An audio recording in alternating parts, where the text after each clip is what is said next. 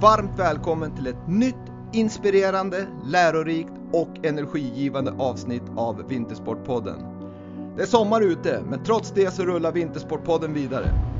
Jag är så glad och tacksam att få möjligheten att samtala med alla intressanta gäster och jag är extremt tacksam och glad att just du lyssnar på Vintersportpodden och detta avsnitt. Berätta för era nära och kära om podden. De gäster jag har haft och kommer att ha ska alla få möjligheten att lyssna till och ta del av. För att inte missa nya avsnitt som jag publicerar ska ni gå in och prenumerera på Vintersportpodden där poddar finns och följ Vintersportpodden på Instagram för att få information om gästerna och ta del av vad jag gör. För jag vill inspirera alla till ett aktivt, friskt, sunt och härligt liv. Varmt välkommen till Vintersportpodden! Dagens avsnitt är i samarbete med Madsus Skis. Madsus Skis grundades 1906 och har lång erfarenhet av att producera skidor, pjäxor och stavar.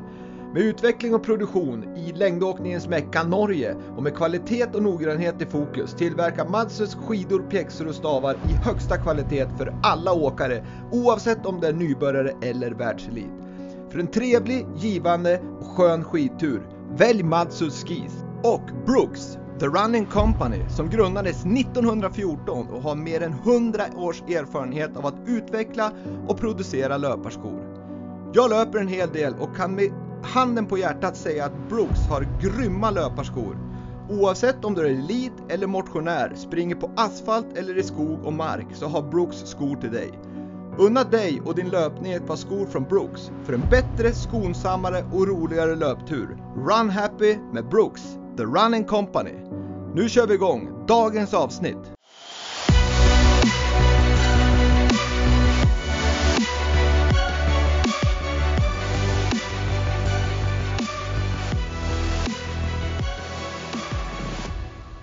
Dagens gäst i Vintersportpodden, mannen som blev lov med svenska folket i samband med hjälteinsatsen på första stafettsträckan på OS i Sochi 2014. Varmt välkommen till Vintersportpodden, Lars Lord Nelson. Ja, tack så mycket. Kul att ha det här Lars. Ehm, det är ju andra längdåkare jag haft, men du har ju ändå en liten sån där äh, härlig liksom historia tycker jag. Dels så, så gjorde du din otroliga insats på, på första sträckan i, i, på OS i Sochi. Den, den är ju någonting vi naturligtvis ska prata om. Men sen tycker jag du har en annan intressant sak. Det är att du har Ja, men både under karriären, efter karriären så har du ju eh, liksom ett entreprenörskap och, och även att du har utbildat dig till programmerare och så vidare och det tycker jag är en viktig del tror jag för att liksom komma ifrån det här med identitetskriser efter karriären och så vidare och se framförallt att det går att hålla på som du gjorde under en elitkarriär. Det ska bli grymt kul att snacka med dig Lars och eh, hur, hur är det med dig?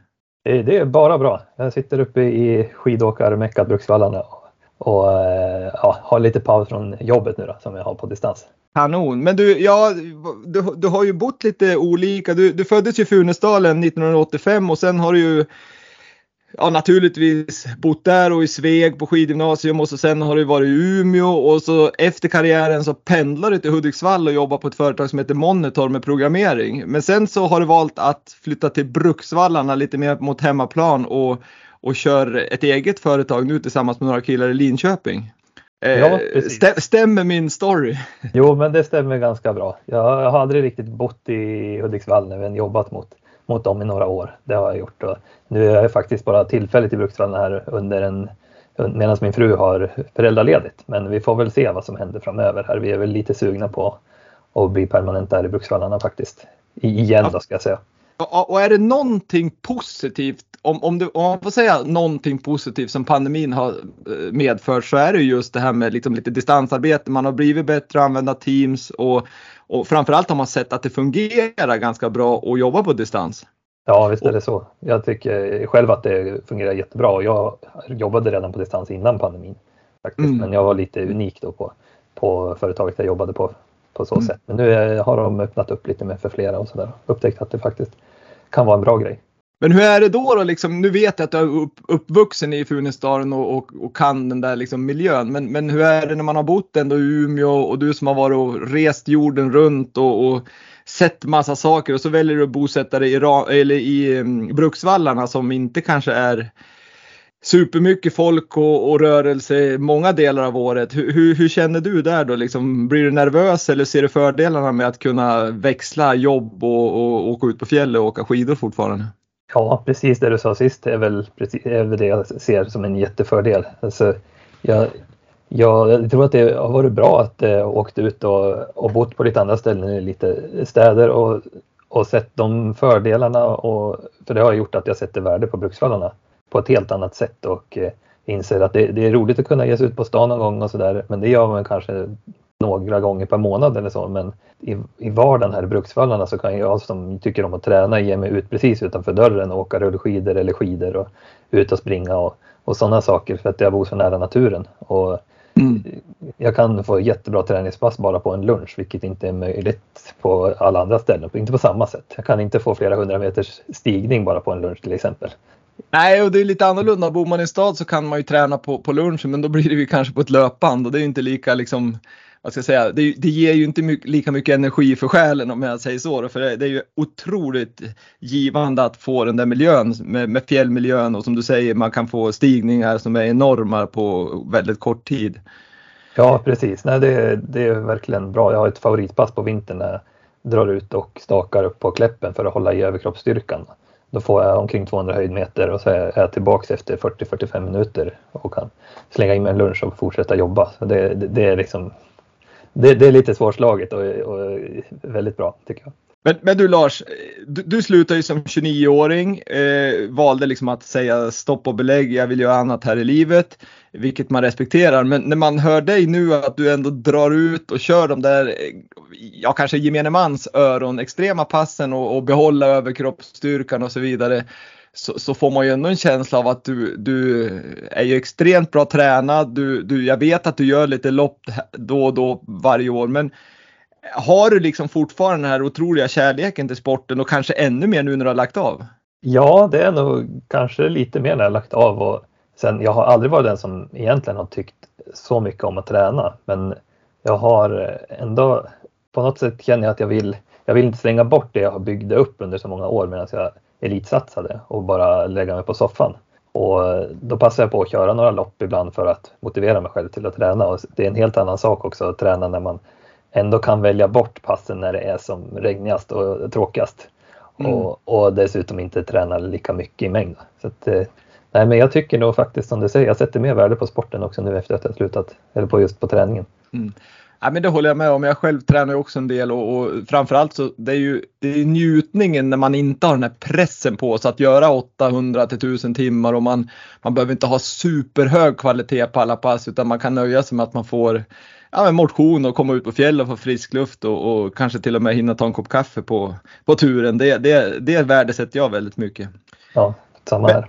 Men, du Lars, eh, fjällvärlden som sådan, det är intressant att höra din, din vinkel på det som ändå är uppväxt där och bor där numera. Det, det, har ju hänt väldigt, väldigt mycket i fjäll, i många fjällbyar runt om i Sverige. de har exploaterats otroligt mycket. Det är stora liksom, hus som har byggt, det är mycket folk som kommer dit och så vidare. Hur ser du på det? Liksom, att bo där, att det är ju en gränsdragning. Ni vill ju ha dit folk för att då blir det fart och fläkt och, och det utvecklas. Men samtidigt vill man ju behålla den här genuina fjällmiljön. Men vart finns balansen där tycker du? Ja, det är väl om eh, några välkända internationella hamburgerkedjor kommer till Bruksvallarna, då kommer jag nog inte tycka det är så roligt längre. Men eh, Annars så tycker jag väl att eh, som det är nu tycker jag att det är helt okej. Okay. Det har ju hänt väldigt mycket här i, i mitt område men det är fortfarande en, en genuin fjällby jag bor i.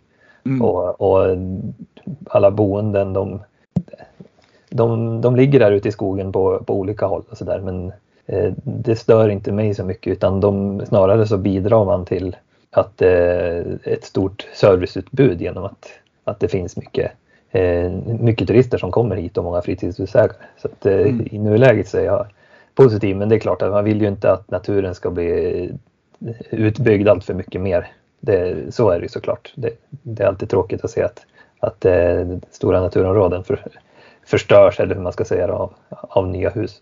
Ja. ja men det gäller ju om balans och, och jag tror att har man liksom vad ska jag säga, en bra mm, bygg bygglovskontor på, på, i kommunen så då kan man ju hålla väldigt bra balans i det där just att, att utveckla men ändå göra det både fint med, med en gemensam liksom, struktur i hur man bygger och så sen som du säger att man inte gör för stor inverkan på, på naturen. Då, då tror jag det är väldigt positivt. Det tror jag också. Mm. Men hörru du Lars, nu har vi kommit in lite här och vi har touchat vid vissa ämnen. Men eh, om, om vi ska berätta för lyssnarna vem, vem, Lars Nelson är, om man tänker lite uppväxt där i, i Funäsdalen och varför du valde längd och höll på med andra idrotten och vad är dina intressen och så vidare. Skulle du kunna ge oss en liten bild av Lars Nelson?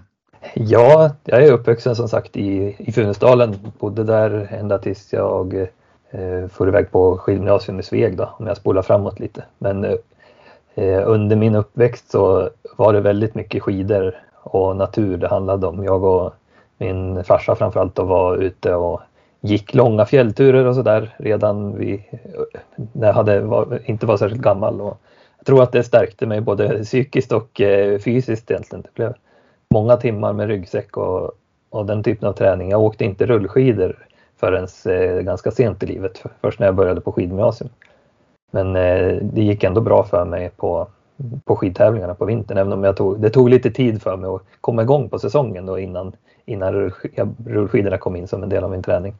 Så, så att första halvan av vintern presterade jag lite sämre och sen kom jag igång ordentligt andra halvan. Men, men, varför, vad var anledningen till att du inte åkte rullskidor? Det är ju kanon. Det måste ju vara toppen att staka ner från Funäsdalsbyn upp mot eh, Tändalen Tänndalen och det här.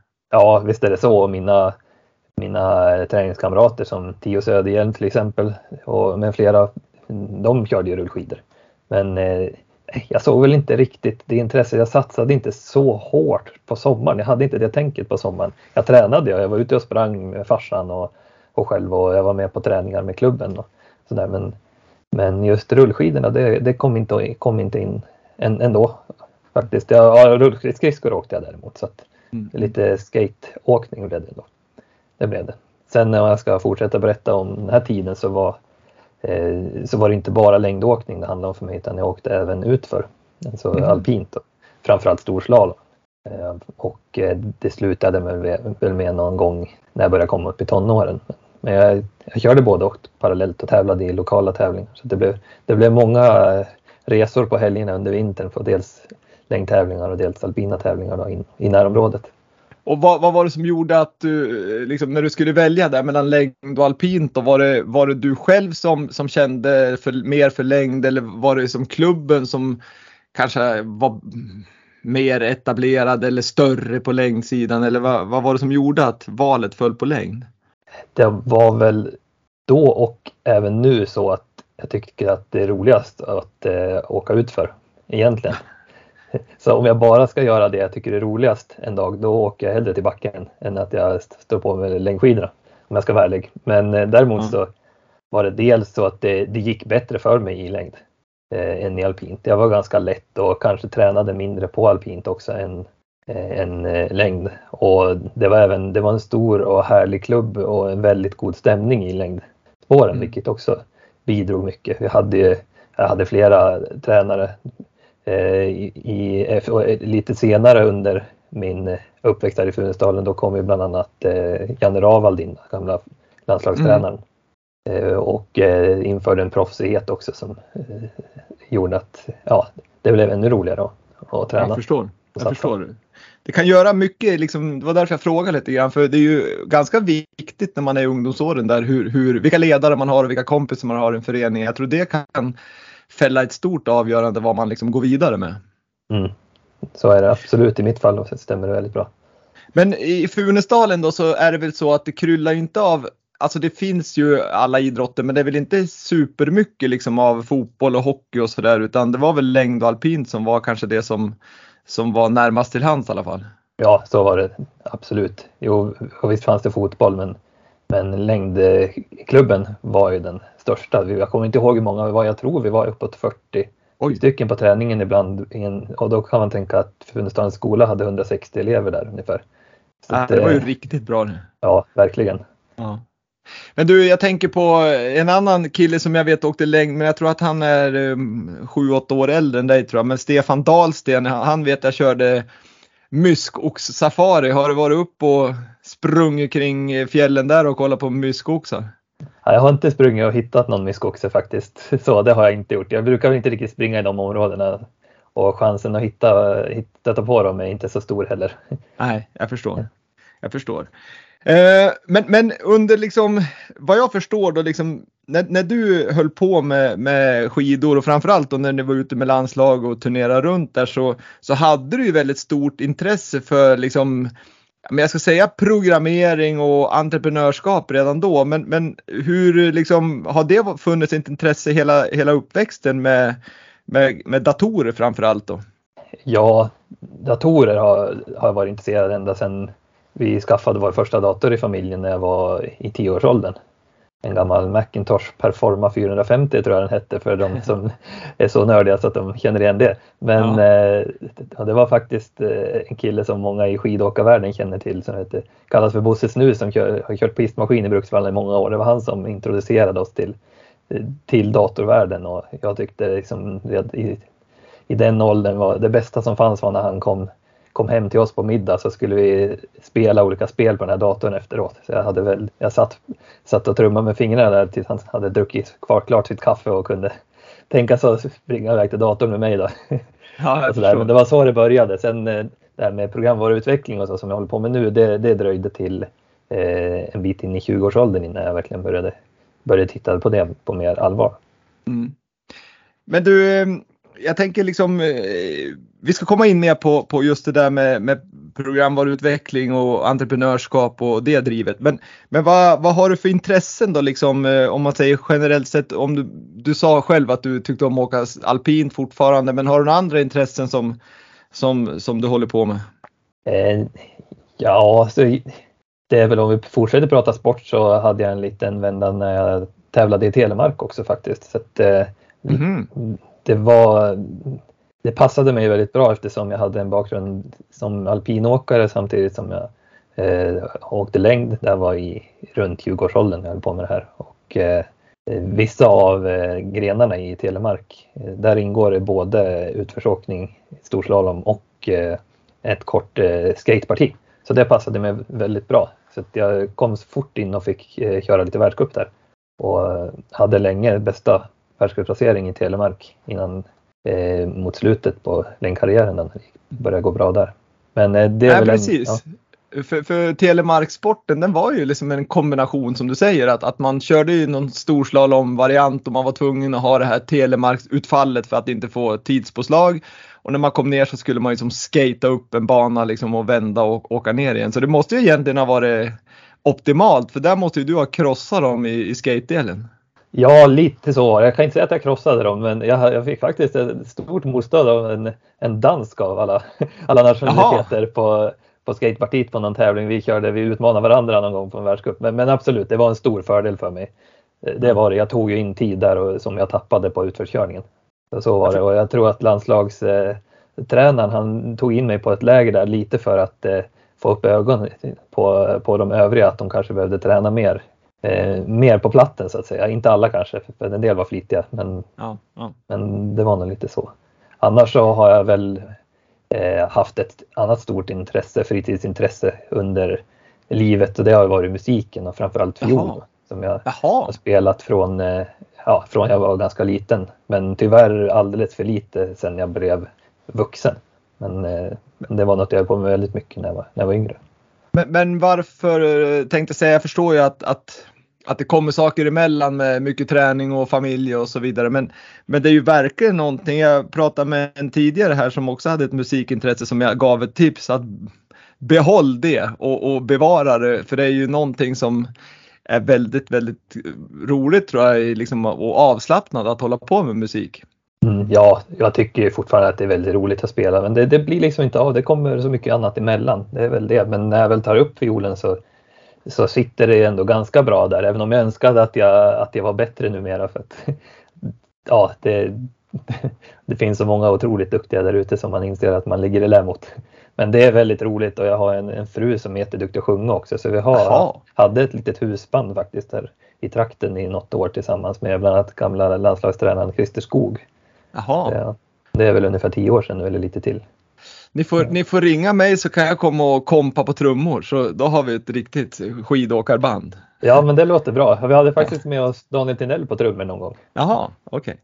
Okay. Ja men vad kul, där, där ser man och, och, där tror jag, kör på det för det är ju både kul och avslappnat och så sen eh, så får vi väl göra någon, någon inhopp på någon afterski eller något i, uppe i Bruksvallarna. Ja det, det tycker jag, det låter som en bra idé. Mm. Ja. Men du, sen har jag hört bara, vi ska gå vidare sen, men, men sen har jag förstått att du är ju liksom, ja men lite, om jag ska tro din fru, så har jag läst någonstans att, att du är lite disträ som person och går du in i någonting och koncentrerar och då är det verkligen bara det och sen får du lite det som händer runt om det pausa lite grann, stämmer det? Eller? Ja, lite så är det. Jag glömmer lätt saker när jag börjar tänka och, och så, det måste jag väl erkänna. Men är det för att du blir, liksom, då blir du så fokuserad på det du just ska göra så att du liksom, eh, ja men det rinner ur skallen på dig? Ja, lite så är det väl. Ja. Hur, hur, var det då när du höll på med idrott? Liksom, var, det, var det en styrka kanske att du kunde fokusera på tävlingen och liksom glömma allting runt, runt om som kanske skulle kunna störa någon annan? Ja, det, det tror jag. Så kan det nog varit. Men jag tror en annan nytta jag hade, eller ett, ett sätt jag hade att hantera min skidåkning, min satsning, det var väl i och med att jag inte tyckte att träning var det allra roligaste i, i världen och, och skidåkarlivet egentligen, förutom vissa delar av det tyckte jag var fantastiskt roligt. Men, men eh, det gjorde att när jag, när jag kom tillbaks från ett träningspass, då, då eh, ja, duschade och åt, men sen så fokuserade jag på något helt annat. Och eh, som hade som ett annat liv där några timmar innan det var dags för nästa träningspass. Mm. Så, och det, det är väl på gott och ont för att jag vet ju andra som Kalle Halvarsson till exempel. Han satt ju mellan passen eller sitter säkert fortfarande och kollar på, på videoklipp på tävlingar och, konkurrenterna och analysera deras teknik och sånt. Och det, det gjorde jag ju inte då för att jag ville släppa den biten och, och, och göra tänka på annat. Då. Det var mitt sätt. Så att det har som sagt eh, olika, det finns olika fördelar med, med de här olika sätten kan man säga.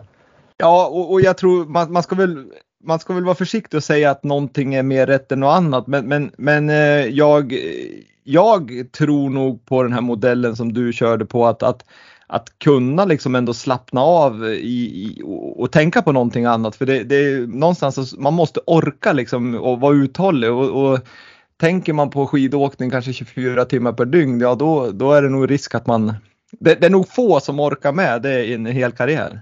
Mm. Ja precis, så, hade, så var jag definitivt för min del. Det hade inte riktigt fungerat för mig.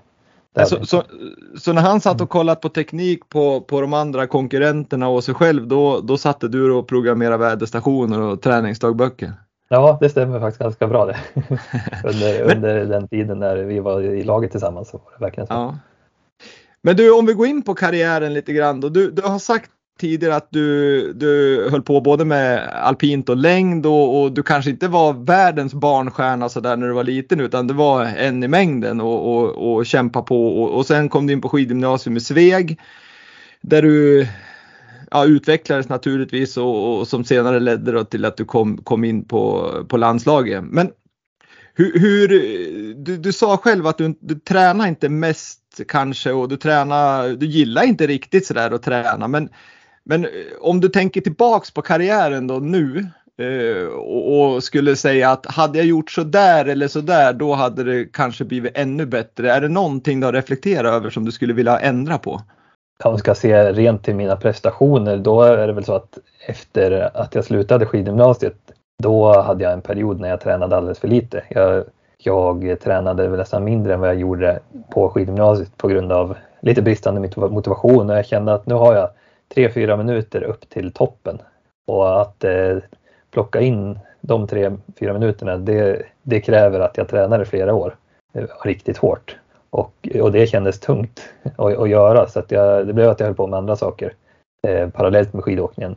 Och liksom hankade mig fram och jag, jag presterade ändå okej. Okay. Jag, jag, var runt 30 i, på Sverigecuper och så, där. så det, det, det, är inte dåligt riktigt men det beror på vad man jämför med. Om man vill vara bäst då, då är det ju, duger det inte. Då. Förstås. Men vad var det som gjorde då, då att du ändå knöt näven och du hade ju kunnat valt att sluta där och bara kört telemark och, och åkt alpint och, och, och, stått i baren i, i, i Funäsdalen och i Bruksvallarna. Men istället så valde du att knyta näven och faktiskt ja, men slår in i landslaget och blir en världscupsåkare och dessutom väldigt bra världscupsåkare och OS-guldmedaljör. Vad var det som gjorde det, liksom, att du tog det, det i kragen? Det var väl, dels så var det väl att jag, jag ville ju bli bättre. Jag visste att jag hade potential för att jag hade ändå eh, några junior-SM-guld och några ungdoms-SM-medaljer också. Så att, eh, och, och de som jag tävlade mot då och åkte jämbördigt med, som till exempel Marcus Hellner och Emil Jönsson med flera. Eh, de kunde ju komma upp där på, på riktigt hög nivå. Så det, det gjorde väl att jag förstod att det borde vara möjligt om jag bara tog mig i kragen. Men sen det som, som verkligen den utlösande faktorn till att jag började, började gå framåt eh, i resultatlistan, det, det var att jag jag gjorde ett bra resultat. Jag hade väl kört något bra tufft pass och hittat någon form plötsligt. Så jag gjorde ett riktigt bra resultat uppe i Skellefteå tror jag det var. Och eh, eh jag blev 11 tror jag på en Sverigecup mm. plötsligt. Mm. Det var ett bra steg mot 30 Och då, då taggade jag till och kände att jag ville nu vill jag satsa vidare och, och liksom gå framåt trots att det kommer ta ett tag. Och pratade med Lars Selin som var min tränare under skidgymnasietiden som Eh, vi hade väl gått ifrån varandra i träningsplaneringsmässigt då under några år. Och, men då frågade jag honom om han ville, om han ville hjälpa mig på nytt, och det, vilket han gärna ville. Sen var det inte en eh, det var inte en rak väg, det var inte så att jag blev 100% skidåkare över en natt utan eh, Selin fick nog kämpa lite grann med att eh, få mig på rätt bana så att säga och se till att mm. göra rätt prioriteringar. Det, det tog ett tag att vänja in sig i det. Och Lars, han, Lars Selin han var ju som sagt var skidgymnasietränare i Sveg och sen blev han ju ut utvecklingsansvarig på skidförbund och sen var han till och med typ förbundskapten när det var lite turbulent där ett år. Ja. Och numera är han väl tränare igen för, för landslaget på något vis eller om man utveck, jobbar med utveckling på något vis av, av unga åkare och, och verksamheten som stort. Men du, ja men då fick han dig på, på fötterna lite grann sådär och, och ni, ni gjorde en plan och det, det ledde ju väldigt, väldigt långt. Men, men vad var det som gjorde, om du tänker tillbaks nu då, för du, du, du kom ju väldigt långt men du kanske inte blev etablerad världens bästa skidåkare. Va, vad kände du att, vad, vad hade du som, som, eller vad saknar du för att bli den här absolut bästa skidåkaren? Eh, man kan ju inte vara säker på att jag någonsin hade kunnat bli bäst i världen i, och vinna totala världscupen eller något sånt där. Men däremot så är det väl säkert så att om jag hade, om jag hade tränat på några år till eller ännu hellre eh, tränat, eh, börjat min träningsstegring redan efter skidgymnasiet eh, så hade jag förmodligen blivit ännu, ännu bättre. Det, mm. det tror jag för att jag hade, jag hade ju jag var inte jättedålig på sprint men, eh, men eh, jag hade inte de här supersnabba muskelfibrerna. Däremot så har jag alltid varit duktig på att spurta vilket jag aldrig riktigt fick chansen att visa på eh, som senior. Men, men om det handlar om en spurt efter ett distanslopp då, då hade jag gott självförtroende om att jag kunde, kunde slå väldigt många faktiskt. Mm. Och så, där, så att jag hade väl många egenskaper som behövs egentligen. Utan det, ja, nej, men det handlar nog om kanske att nött på lite till och, och Sen är det inte alla förunnat som sagt att komma ända dit till att kunna vinna ett VM-guld eller OS-guld oavsett hur individuellt och oavsett hur, hur mycket man tränar. Nej men så är det ju och det, det, ska man ju komma ihåg att det är många som har tränat både mycket och länge som inte ens kommer i närheten av en världscup heller som, som, som kommer till en hyfsad nivå på Sverige-nivå. Och det ska man ha respekt för. Men, men jag tänker liksom eh, du, du, du, väljer ju ändå året efter när jag tagit OS-guld och du kommer femma i Holmenkollen där på fem milen vilket är liksom lite grann av, tycker jag i alla fall, VM i fem mil. Det är ju Holmenkollen liksom. Det är ju lite grann kanske det, den längdåkare vill komma bra liksom sådär. Men, men ett år efter där så väljer du ändå att lägga av bara 29 år gammal. Jag förstår ju att du var less kanske, du kände att du ville göra annat och, och du var inte beredd att göra den här uppoffringen. Men hade du någonstans tanken där att fasiken om jag nöter på med den här planen i några år till då kanske jag tar det här sista steget. Ja, visst fanns väl den. Jag förstod att det var möjligt att jag skulle kunna utvecklas vidare. Det, det, det gjorde jag, men jag hade flera år tidigare bestämt mig för att eh, jag, jag ska inte åka skidor efter det år jag fyller 30. För att jag har så mycket annat i livet jag vill göra. Mm. Och det var väl det som levde kvar och det var också det som gjorde att det allra sista året där när det var ja, men på jobbiga träningspass och det var värme med bölja som var tufft att träna i och sådana här saker så, så kunde jag ändå motivera mig med att eh, ja, det här är sista gången jag behöver göra det här. Mm. Så att, det, nej men det handlar, mycket, det handlar faktiskt mycket om det just att jag hade någon slags deadline för mig själv i, i huvudet att jag ska inte hålla på med det här efter 30. Det, mm.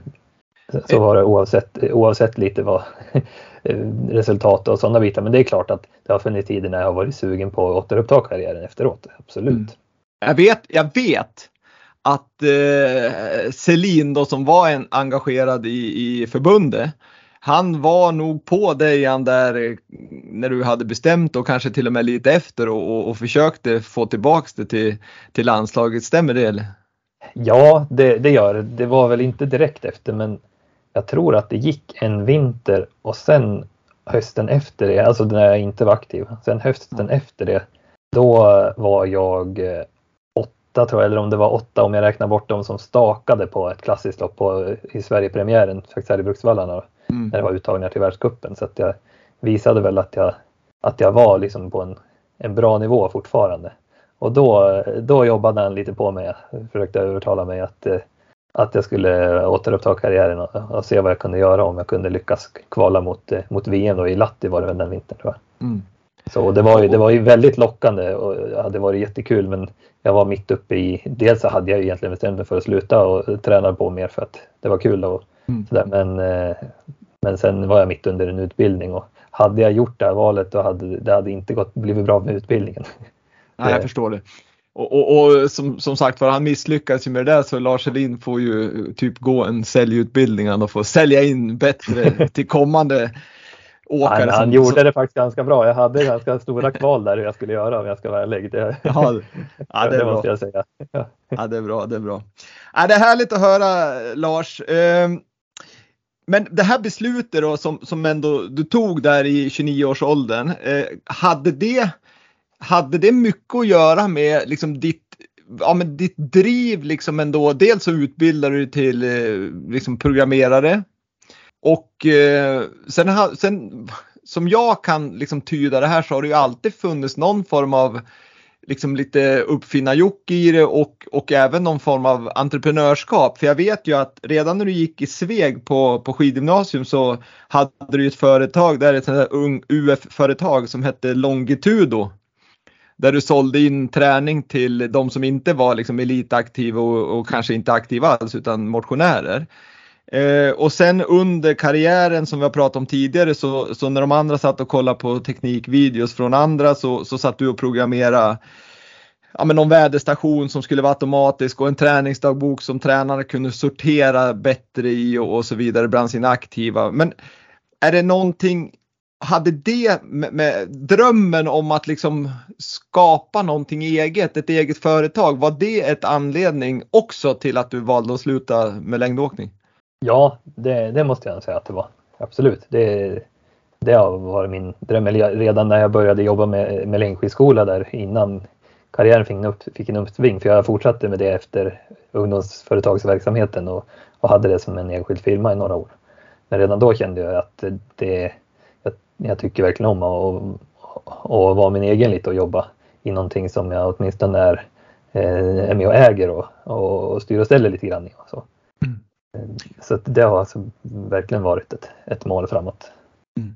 Men, men har du, när, du, när du, vi ändå pratar om det här, för jag, jag, tycker det är intressant att, att prata med en som har varit på elitnivå som du och, och varit liksom OS-guldmedaljör, men ändå liksom nu efter karriären så har du ju verkligen så här om jag får säga lyckas med den civila karriären, att du, du har utbildare och du, du är egenföretagare liksom inom ja, mjukvaru, mjukvaruutveckling inom, inom eh, en betaltjänst idag. Vi ska komma in på det senare. Men jag tycker det är intressant när man lyckas. För jag tror, för min, min del så tror jag att det är väldigt viktigt för på något vis identiteten. När man har varit lite aktiv så kan det bli väldigt tomt när när lamporna släcks så, så från att man har varit väldigt eh, attraktiv, folk har ringt en, folk har tagit hand om en, man, är liksom, man får säga nej till, till massa personer nästan.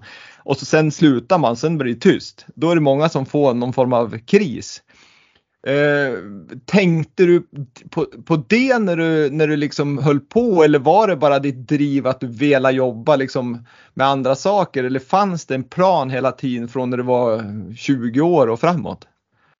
Jag vet inte, det, just när det gäller identiteten så för mig så har, nu, numera är jag väl, känner jag mig faktiskt som skidåkare Lars Nelson trots att jag håller på med mycket annat. Men genom karriären så såg jag mig inte bara som skidåkaren Lars Nelson utan jag, jag såg väl det här att jag alltid håller på med många olika saker och jag har alltid känt en, en trygghet i att, eh, att jag har så många intressen så att eh, den dag jag skulle sluta med skidåkningen då skulle det finnas många andra saker jag vill göra istället. Mm.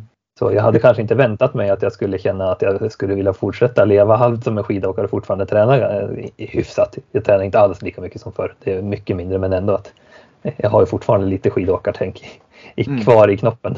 Mm, mm. Ja, jag förstår det.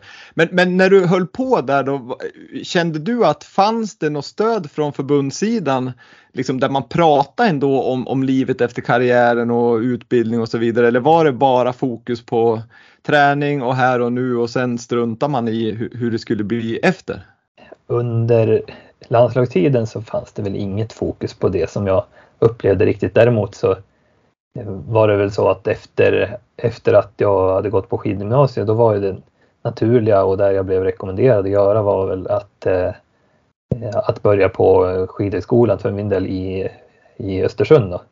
Mm. Så att man kunde träna, få bra träningskamrater och hjälp med träningen samtidigt som man kunde utbilda sig. Så det är, det är väl egentligen en, en form av grund och planering för, för en karriär efter, efter skidåkningen. Så, men... Det finns ju, som elitidrottare finns det ju tid. Alltså man tränar mm. mycket, absolut, men det finns ju mycket tid där man kan faktiskt kombinera studier med återhämtning också, liksom att man vilar samtidigt som man läser. Men hur, vad skulle du säga till de som är på gång nu och som är strax på väg in i landslag eller är i sin tidiga karriär? Har du liksom något tips för dem att, att hur, hur de ska tänka liksom med med just den här studiebiten och, och kanske liksom entreprenörskap eller i alla fall tänket efter karriären? Ja, det är väl att eh, lägg lite tid på något annat än träning mellan passen. Inte, man ska fortfarande, jag, jag hade ju sträng, strikt så när jag var som seriösast att jag sov i ungefär 40 minuter varje dag. Det, det var några dagar per år som jag inte sov efter lunch. Så att, eh, det, det måste jag bara säga. Men, men annars så la jag ju tid på saker som faktiskt utvecklade mig till efter karriären. Mm. Och det måste ju inte vara att man läser högskolekurser men det är väl ett ganska bra alternativ att göra om man har möjlighet att, att få hjälp med, med eh, just att kunna skjuta på tentor och sånt som man får om man kommer in på ett, en högskola. Mm. Men ja, det men finns verkligen. ju väldigt mycket distanskurser numera som man kan läsa på 25 procent och så. Eh, som där tentorna är på distans också och så vidare. Så att det, just utbildningsmässigt så har man ganska stora möjligheter idag att, att kunna komma vidare åtminstone lite lång, i, i lite långsam takt. Mm. Nej, men jag håller med. Jag har ju själv jobbat där på skiduniversitetet i Östersund som tränare och det var ju väldigt, väldigt liksom bra för de som gick där just att man kunde liksom göra ett litet personligt upplägg med tentor och hur mycket man läste och när man läste så det är ju förmånligt så också plus att, att de kom ju faktiskt ut med någonting efter karriären. Men du, eh, om, om, vi då, om vi då går från longitud och väderstationer, träningsdagböcker och så vidare så har ju du och tillsammans med några kompanjoner nu i Linköping eh, startat ett företag, eller startat nu, det har ni väl hållit på med ett tag, men ni har ett företag som heter OutBuy. som eh, är en liten kombination kanske av ditt, ditt, din kompetens inom programmering men även lite kopplat till faktiskt ditt intresse för längdskidsporten till viss del i alla fall. Du, du får berätta mer om OutBuy. Ja, nej, men det var bra beskrivet. Det, det var, jag måste väl erkänna att det inte var min idé från början men sen har jag varit med och spånat vidare på, på produkten. Men, eh, det var Tobias Konradsson heter han från Linköping som, eh, eller Ödeshög från, som eh, gick på skidgymnasiet tillsammans med mig i Sveg. Han eh, såg att det nog vore bra om man kunde ha en, en betallösning för spårkort som, som är helt digital och som är, är, lätt att hantera och man kan göra kontroller av spårkort och, och man kan få hjälp med friskvårdskvitton och sånt här som folk annars måste sitta i klubbarna och skriva ut manuellt till någon som vill ha. Och så där. Så, och det var väl, han tänkte väl framförallt lokalt på hemmaklubben först men så började vi spåna vidare och insåg att det här kan nog vara någonting för, för hela, hela Sverige egentligen. Så vi började programmera och det kom fort in några killar till i företaget och eh, vi, vi började utveckla och vi började sälja parallellt med, med utvecklingen och eh, fick in ett antal anläggningar och så har det fortsatt så. så nu, har vi, nu är vi ganska etablerade ändå i Sverige och har över 20 anläggningar som använder vår betaltjänst för spårkort och vi har börjat bredda verksamheten. Så vi har utvecklat en egen grind för liftkortspassage och eh, vi, vi, har, eh, vi börjar ha stugbokning och eh, utvecklar eh, skiduthyrning, skidskola och så vidare. Så att vi, vi går mot att bli en, en lösning för en, en helhetslösning för, för anläggningar, både stora som små och till och med destinationer egentligen. Jaha, men du, jag tänker på mm, eh, just vad det gäller, när du säger grindar till, till alltså passager för alpina områden så hur tänker du då? Är det om man ska göra engångsåk eller, eller om man kan swisha just det åket? För annars har väl anläggningarna egna till, kopplat till de här liftkorten de har? Ja, nej, det, vår tanke då är att man ersätter befintliga grindar med, med våra grindar. För okay. de kan hantera både engångspassager med QR-koder som man, som man skannar med mobilen men även eh, ja, vanliga traditionella liftkort som man har i fickan då att passera med. Åh fasiken. Men du, ja men vad intressant. Men, men det måste ju finnas ett stort användningsområde här. Nu har du ju sagt att ni är inne på ett 20-tal skidanläggningar, det vill säga längdskidanläggningar. Ni håller på med alpint där men sen rabblar du upp andra. Men jag menar det måste ju vara om, om man kan på ett smidigt sätt få ut ett friskvårdskvitto så måste du ju kunna hålla på med ja, nästan allting borde ju kunna kopplas till det här systemet.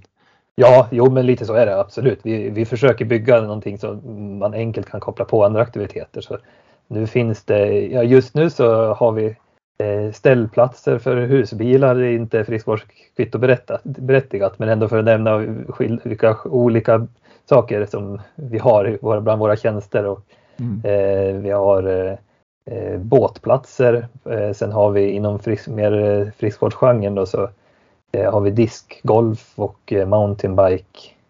Eh, alpint som sagt och mm, mm. längdskidor och ja, skoter är också. Det är inte heller mm. friskvårdskvittoberättigat men ändå att ja, det, det, är lite skilda saker och ja, det, det, är väl det vi har försökt göra. Att göra det så, så generellt som möjligt så att, så att en anläggning kan använda oss till så mycket som möjligt. Mm.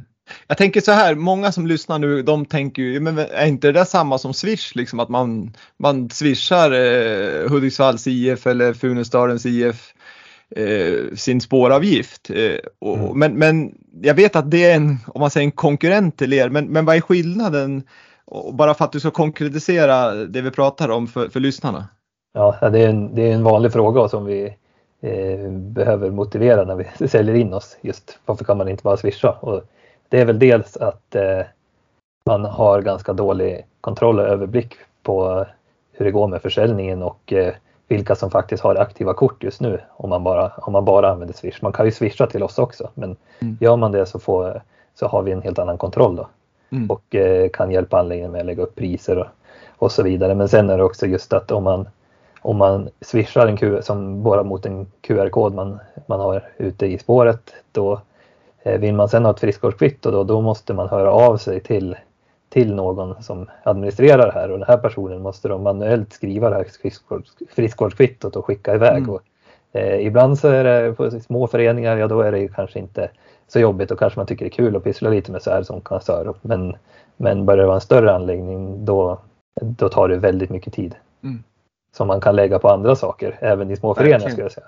Men det känns ju som att det finns en stor marknad för det här. Men, men hur, hur når ni ut just nu då? Jag förstår att ni som håller på nu, ni, ni gillar ju att sitta och programmera. Men vem är det som åker runt och säljer in det här? Är det ni som gör det? Eller?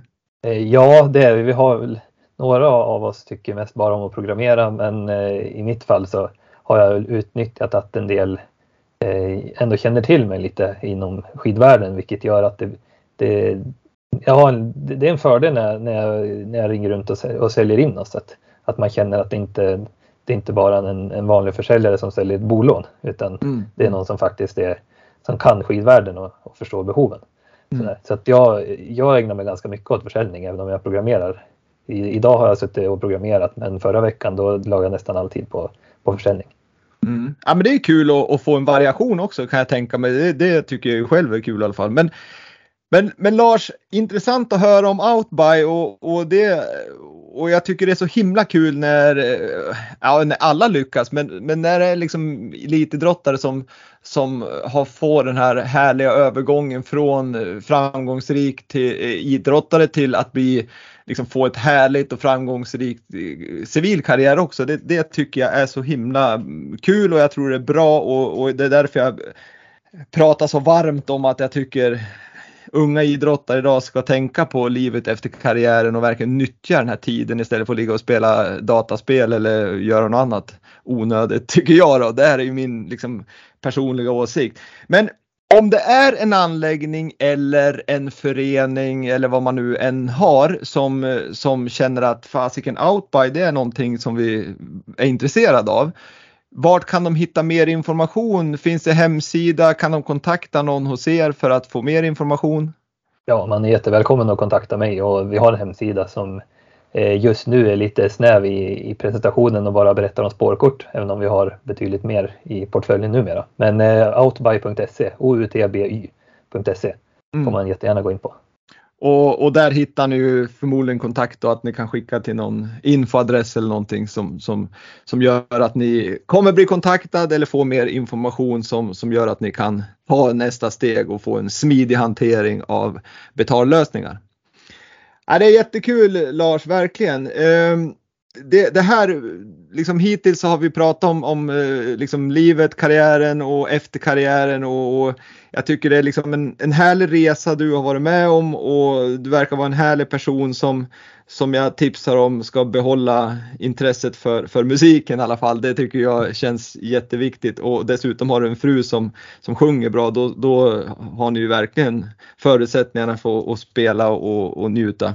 Men, men jag, jag, kan inte liksom passera det här poddavsnittet utan att prata om, om just det här som hände 2014 i, i Ryssland, Sochi, eh, där, där du var förste man i stafettlaget över 4 gånger 10 kilometer på, på OS. Um, ehm, hur, hur gick tankarna inför det loppet? För det var ju, jag kan tänka mig att det stod mellan dig och Kalle Halvarsson vem som skulle få åka det där loppet. Ja, innan eh, OS började då var det nog Kalle som de flesta räknade med skulle köra OS. Eller skulle köra stafetten rättare sagt. Mm. Men, men hur, när du fick reda på att ja, men du ska köra första sträckan, kom det några sådana här äh, otäcka tankar då om, om eh, jag, jag kommer ihåg Falun, Niklas Jonsson tror jag, om det var Falun på hemmaplan som klappade igenom totalt på första sträckan. Fanns det, kom det upp något, någonting sånt eller kände du bara inspiration? Ja, inför stafetten kände jag faktiskt mest bara inspiration. Om vi, om vi backar tillbaks någon dag så så ska jag väl erkänna att, jag, eller jag ska säga att som person så är jag ganska lugn av mig och eh, jag blir nervös på mitt eget sätt inför lopp. Det, det ter sig oftast genom att jag, jag gäspar mycket när jag ska tävla. Innan, är det nervositeten? Startlinjen. Ja, det är nog mitt sätt att vara nervös på. Men eh, inför första loppet på OS, det var ju mitt första internationella mästerskap som senior, då, då var jag riktigt nervös faktiskt inför dubbeljakten. Då var det inte bara gästningar utan då, då var det jobbigt. Eh, men eh, sen inför stafetten då, då fick jag lite, på för, lite innan själva uttagningen så fick jag frågan av Rickard Grip då, som, som var eh, basen då mm. om vilken sträcka jag skulle vilja ha. Då tar jag första sträckan själv för att jag har alltid tyckt om att åka första sträckor. Eh, och eh, när jag väl blev uttagen och även på tävlingsdagen då kände jag mig mest bara taggad faktiskt. Väldigt sugen mm. på att åka och det var en speciell känsla. Som, normalt så, så, brukar jag inte känna mig taggad på det sättet men nu var det verkligen att jag ville ut och köra det här. Men, men hur tänkte du? Jag menar de andra tre där, Rickardsson, Olsson och Hellner, det är ju ändå, det var ju tre lite rävar och de hade ju kört bra tidigare och de var etablerade och så vidare. Men, men det var ändå liksom, jag vet inte hur tänkte man i ett lag där när man är en individuell idrottare? Tänkte du någon gång att fasiken jag vill inte förstöra för dem nu liksom, jag kan ju förstöra för hela lag eller var det, du struntade i de tankarna? Nej, det tänkte jag på. Absolut, det gjorde jag. Och på förhand när jag blev uttagen till stafetten då kände jag att ja, just nu känns det bra men vad, hur kommer det kännas på tävlingsdagen? Jag vill inte att det ska hända någonting rent mentalt, att jag plötsligt känner en, en så stor press att jag presterar dåligt eller någonting eftersom det var en helt ny situation. Så jag pratade faktiskt, för den enda gången jag har pratat med en mental tränare var, det var någon dag före stafetten och pratade med Henrik Gustafsson som var med från SOK, eh, Sveriges Olympiska kommitté. Och, eh, eh, jag sa det att jag vill förebygga eventuella problem med, med, med skallen inför loppet och, och sådär. Men, och, men det, du, fick bra, du fick några verktyg även om det var kortsiktigt då och så fick du någonting du kunde hantera det där med? Ja, det tyckte jag. En sak som jag har tagit med mig, det, det enda jag egentligen kommer ihåg nu av det han sa, det var väl att eh, när man är nervös för någonting så är det oftast för, ofta för att man, man målar upp eh, värsta scenarierna. Som i, i mitt fall skulle det handlat om att jag målade upp att, eh, att jag inte skulle orka hänga med så att jag skulle förstöra för de andra. Men på förhand så har ju inte det hänt så det är dåligt dumt att man, som han sa, det är dumt att man mår dåligt för något som faktiskt inte har hänt än. Mm. Och det, det tycker ja, jag var exakt. ett vettigt resonemang som jag, man kan ta med sig i väldigt många andra saker också. Och sen, kan man, och sen kan man säga så här också att det är ingen idé att må dåligt över det som har hänt heller för det kan du inte påverka. Nej, så, så det, det, det, vill säga att du borde inte må dåligt någon gång. Nej. Nej men det är intressant att höra Lars men, men sen så händer ju det som inte får hända ändå under det där din första sträcka. Du blir prejad där av en liten ryss som gjorde att du tappade skidan. Ja, det hade jag inte räknat med när jag målade upp vad som skulle gå dåligt. Nej, och, och där är bevis på att det är ingen idé att tänka på vad som kan hända. Som det hade du inte ens med på att du skulle tappa skidan. Du hamnade ju långt efter. Jag tror de flesta då skrev ju bort oss. Sverige ur, ur liksom medaljstriden för att jag menar tappar man på ett OS så där pass mycket så, så det, brukar det vara svårt att ta ikapp det. Men, men vad, vad gick genom ditt huvud då? Det första som gick genom huvudet var att jag trodde att jag hade att bindningen satt kvar i pjäxan. Det hade hänt mig en gång. Jag har tappat skidorna två gånger i livet tror jag på lopp. Gången innan var på junior-SM. Då hade jag en prototyp eh, skida på mig som jag inte rekommenderas att åka på egentligen. Så vart det en liten krock och då tappade jag, tappade jag skidan och, och bindningen satt på en sån här platta då, så att som man kan trä på bindningen på och mm. flytta fram och tillbaka. Eh, men då lossnade den och satt under skon så då tog det lite tid att få dit den och det trodde jag hade hänt nu också. Men eh, det visade sig att skidan var hel och trots att eh, när jag tittade ner men jag trodde först att det var helt kört att jag skulle behöva springa efter en annan skida som fanns 200 meter bort. Mm.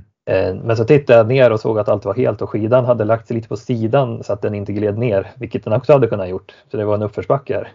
Så att i oturen hade jag ganska mycket tur också där. Det var bara att ta på sig skidan och, och dra iväg då trots allt. Ja, det var ju liksom helt, helt otroligt. Och så sen åker du efter där. Du måste ju ha fått några superkrafter då. För tittar man liksom vad du gjorde sen så måste det ju ha varit ditt livslopp nästan. För du går ju, växlar ju till andra sträckan med 30 sekunders marginal. Alltså du, det är helt otroligt vad du åkte. Ja, 30 sekunder var till Norge då, vilket ju såklart ja. inte är oviktigt. Nej, men, exakt. Ja, ja, nej, nej, men det var väl till att börja med ska jag säga om jag, om jag ska prata ner mig själv lite. Det, så var det ju så att eh, precis efter den här eh, olyckan, om man ska kalla den för det, så, så gick vi in i en tunnel och så vidare in i en eh, ledarfri zon. Så de längst fram, de fick aldrig veta det här som hände innan jag var i kappklungan igen. Och jag fick ju lite adrenalin så jag stakade på ganska fort, hade suveräna skidor så att det gick ganska fort innan jag var och hade känning igen och var längst bak och sen så tog jag mig upp i, i liksom ren adrenalinkick mm. så tog jag mig vidare upp och ganska långt upp på ganska kort tid. Hade du varit ledare där, då hade det nog varit risk att de hade peppat dem och liksom gå på som fasiken för att hålla dig borta. Ja, precis. Jag misstänker ju det.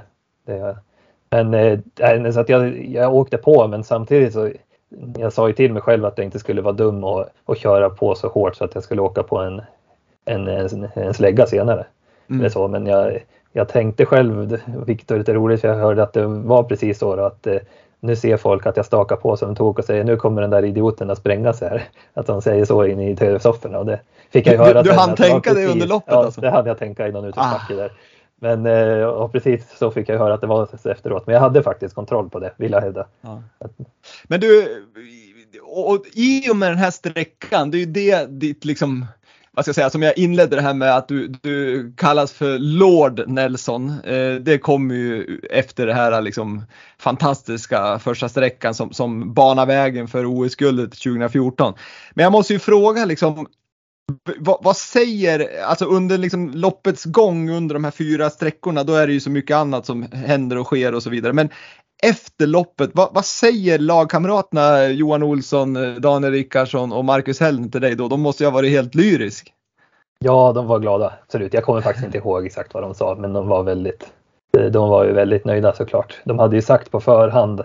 Jag kommer ihåg Daniel Rickardsson, han sa ju att, eh, och de andra var överens att eh, ja, det viktiga är att försöka hänga på. Men Daniel sa också att om du känner att eh, eh, att du har, du har dagen så gå på för tusan. Det, det är värt att testa tyckte han trots mm. att jag var oprövad och sådär. Så det tycker jag var bra att jag fick på något sätt lite klartecken att faktiskt försöka.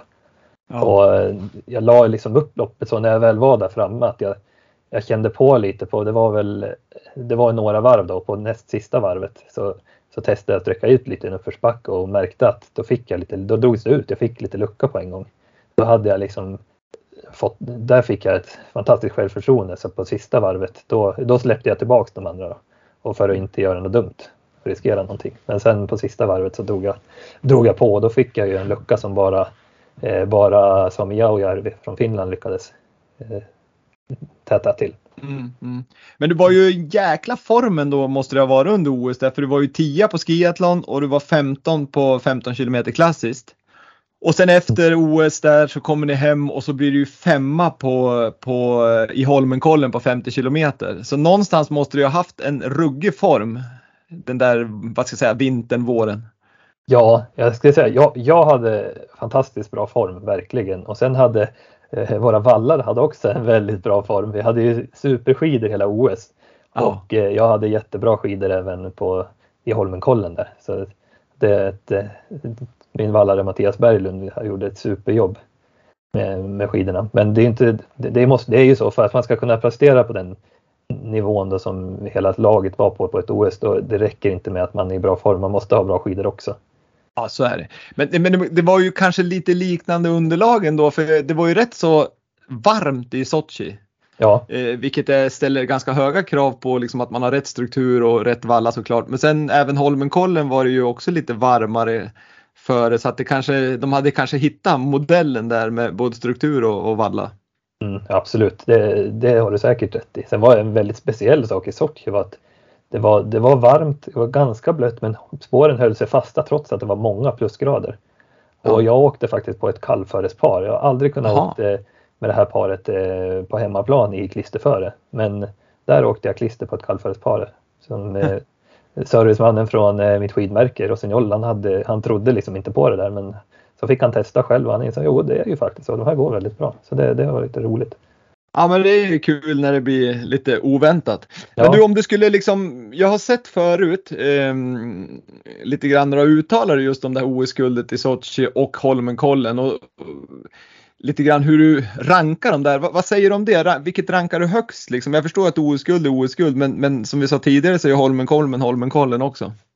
Mm, ja, nej Holmenkollen rankar jag definitivt högst. Jag är jättestolt över stafetten och när jag tänkte tillbaka till det bästa minne jag har genom karriären så var det när jag åkte ut för eh, sista, eh, upp, ut för sista krönet egentligen ner mot stadion i Sochi och visste att jag skulle växla i, i tät och att mina kollegor, eller mina lagkamrater skulle vara nöjda och sådär. Så att det är fantastiskt på så många sätt men, men Holmenkollen rankar jag klart högst som prestation. Ja, vad, vad, vad, intressant för det är många som tror jag bara av ren automatik säger ju naturligtvis att OS-guldet är, är det som slår högst. Liksom. Men jag förstår ju att individuell, ett individuellt lopp är ju ganska liksom det är ju någonting annat det och så sen är det ju Holmenkollen är ju väldigt speciellt också för en längdåkare så jag förstår ju mm. din, din syn där. Eh, men vad intressant att, få ta del av det här eh, Lars. Eh, innan vi ska avrunda det här avsnittet så, så har vi liksom, jag, skulle vilja bara höra din, din syn på det utifrån den erfarenhet du har som landslagsåkare och lite perspektiv på det liksom från sidan nu och du har ju dessutom varit lite expertkommentator eller du var gästspelare under OS på i, i tv där med Jessica Almenäs eh, och då har du ju fått lite liksom, perspektiv på, på saker och ting. Det som händer inom svensk skidåkning nu när man har lite avhopp på på damsidan och de ska köra eget race och så vidare. Och jag såg nu att Pliggen Andersson, före detta landslagsläkaren, var ute och, i tidningarna och sa att att eh, ja, men ifrågasatt, är det verkligen rätt landslagsmodell vi har med, med, med den struktur vi har eller ska man ha det på något annat vis? Hur, hur är din syn där liksom utifrån eh, din erfarenhet som landslagsåkare? Ja, jag måste ju säga till att börja med att, att Bliggen är en väldigt klok man och jag har inte läst hans artikel. Så att han har säkert väldigt bra poänger skulle jag eh, tro. Men eh, eh, om, jag, om jag går från egen erfarenhet så för mig så var det så att när, när jag kom in i, i laget då lyfte jag mig flera snäpp. Det var min första säsong i laget var faktiskt säsongen inför OS. Eh, jag fick ett, dels så fick jag en, eh, en service som inte liknar något annat. Kanske liknar något annat nu i, i en del landloppsteam och sådär. Det är möjligt. Men, men eh, mot det jag hade att jämföra med så, så hade man ju sån, sån service med bara den här biten att, eh, att eh, valla, landslagsvallarna tar hand om skidorna och, och börjar bygga upp en skidpark och finslipa på den under sommaren inför säsongen som de här nu som hoppar av. Den hjälpen får ju inte de då. Det, bara det är en viktig sak, men även att man fick eh, möjlighet att möta de allra bästa på, på läger. Jag har aldrig varit så bra på barmark så att jag fick slita som en, en varg på varje fartpass hela sommaren där. Mm. Och jag hade ett, det värsta passet, blir ett långt utlägg här men, men eh, eh, tuff, ett av de tuffaste passen var i, i eh, Sollefteå när vi åkte upp intervallen mot Hallstaberget. Mm. Och eh, jag hade en timme effektiv tid där stor del av det låg jag uppåt 200 i puls. Uh. Något sånt har jag aldrig haft annars, men jag var i närheten på samma pass året efter. Samtidigt som de kanske som var starka på rullskidor, de låg nog inte riktigt så nära sitt max kanske. Men, men jag låg där uppe i alla fall. Och det, det tror jag var väldigt utvecklande. Så att jag, jag tycker att det är viktigt med ett, ett landslag och förutom det här att man får bra träningsmotstånd så är det också om man, om man ser lite, lite större perspektiv att att folk ska ha något att sträva efter så var det så för mig verkligen att, att jag, dröm, jag drömde som skidåkare om inte bara att åka världscup och tävla så men även att komma in i landslaget. Mm. Det var någonting väldigt stort för mig att, att göra det. Få komma in där, bli liksom erkänd som en av de bästa i landet. Få, bara att bära landslagskläder är för mig en, en, en stolthet på något sätt. Så att jag tycker, ja, men, eh, ja. Jag håller med dig och, och, sen kan man alltid diskutera liksom, när man är på toppen av sin karriär, ja då kanske man säkert kan få ett eller två eller eh, tre år kanske där man kan tjäna mer pengar av att vara själv. Men samtidigt så om man ska tänka lite större som du säger också så, så har man ju haft en tid innan där man, där man har liksom dragit nytta av ett landslag och alla resurser som finns och man har fått hjälp av de som är mer äldre, framgångsrika och så vidare och, och, och få hjälp med pushning, er, liksom erfarenhetsutbyten och så vidare. Så att jag tror ju ändå modellen någonstans är viktig för att, för att liksom få fram eh, nya åkare men även att de som är etablerade känner lite bränsle i rumpan från de här yngre som kommer och är sugen och, och kör som det bara eh, allt vad det går. Jag vet ju Hellner berättade ju när han kom in i landslaget så brände han ut sig så det stod härliga till på första landslagslägren för att han ville visa att han var värd platsen och det, det gjorde säkert att Mattias Fredriksson de här fick gasa på lite extra liksom, på lägren också. Precis, det tror jag också. Ja, men man pushar varandra från alla håll för inte vill man få stryk av de här som kommer nerifrån så att nu har man nytta av ett landslag även som äldre och som sagt jag tror en viktig bit är just att också med utrustningen, det ska man inte glömma. Nej. Så det, jag tycker det finns, det finns många motiv till att eh, faktiskt vara med i ett ett landslag kan jag känna. Sen, sen känner inte jag till alla anledningar till de här utbrytningarna nu. Men sen ska man väl komma ihåg det som det senaste här, i alla fall som jag läste, var ju att det var några tjejer som valde att åka på ett höghöjdsläge själva. Det är ju en, en helt annan sak än att gå ur landslaget. Ja, visst. Nej, och absolut, och det ska vi ha respekt för. Vi, vi, jag känner i alla fall inte till heller alla turer kring det, men, men det man har läst i alla fall så det är det, utifrån det vi, jag och du här nu resonerar. Så att Mm. Det ska man ha respekt för, absolut. Nej men eh, härlig diskussion. Eh, innan vi ställer sista frågan, då skulle jag vilja fråga dig en sak. Vad saknar du mest just nu från din aktiva karriär som längdåkare? Det är nog resandet faktiskt, speciellt nu efter pandemin och sådär. Jag tyckte väldigt mycket om att resa ut på både läger och tävlingar runt i, i, i, i världen eller Europa då, i alla fall. Ja. Ja, det förstår jag verkligen för det är ju speciellt och speciellt på höstarna där när det är mörkt och kallt och grått här i Sverige så var det ganska härligt att komma ner till Europa och få eh, lite ljus och en annan miljö. Det, det kommer jag själv ihåg som när man höll på. Ja, verkligen. Toppen! Bra, nu har vi pratat här lite drygt en timme Lars och jag ställer samma fråga till dig som jag ställer till alla andra som har varit med i Vintersportpodden och den kan du besvara ganska kort. Den lyder så här. Kan du säga en framgångsfaktor för att lyckas med idrott?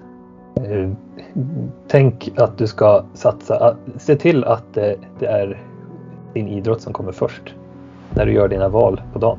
Mm. Och inte håll på med massa annat dravel som, som skadar idrotten. Och, och, och Nej.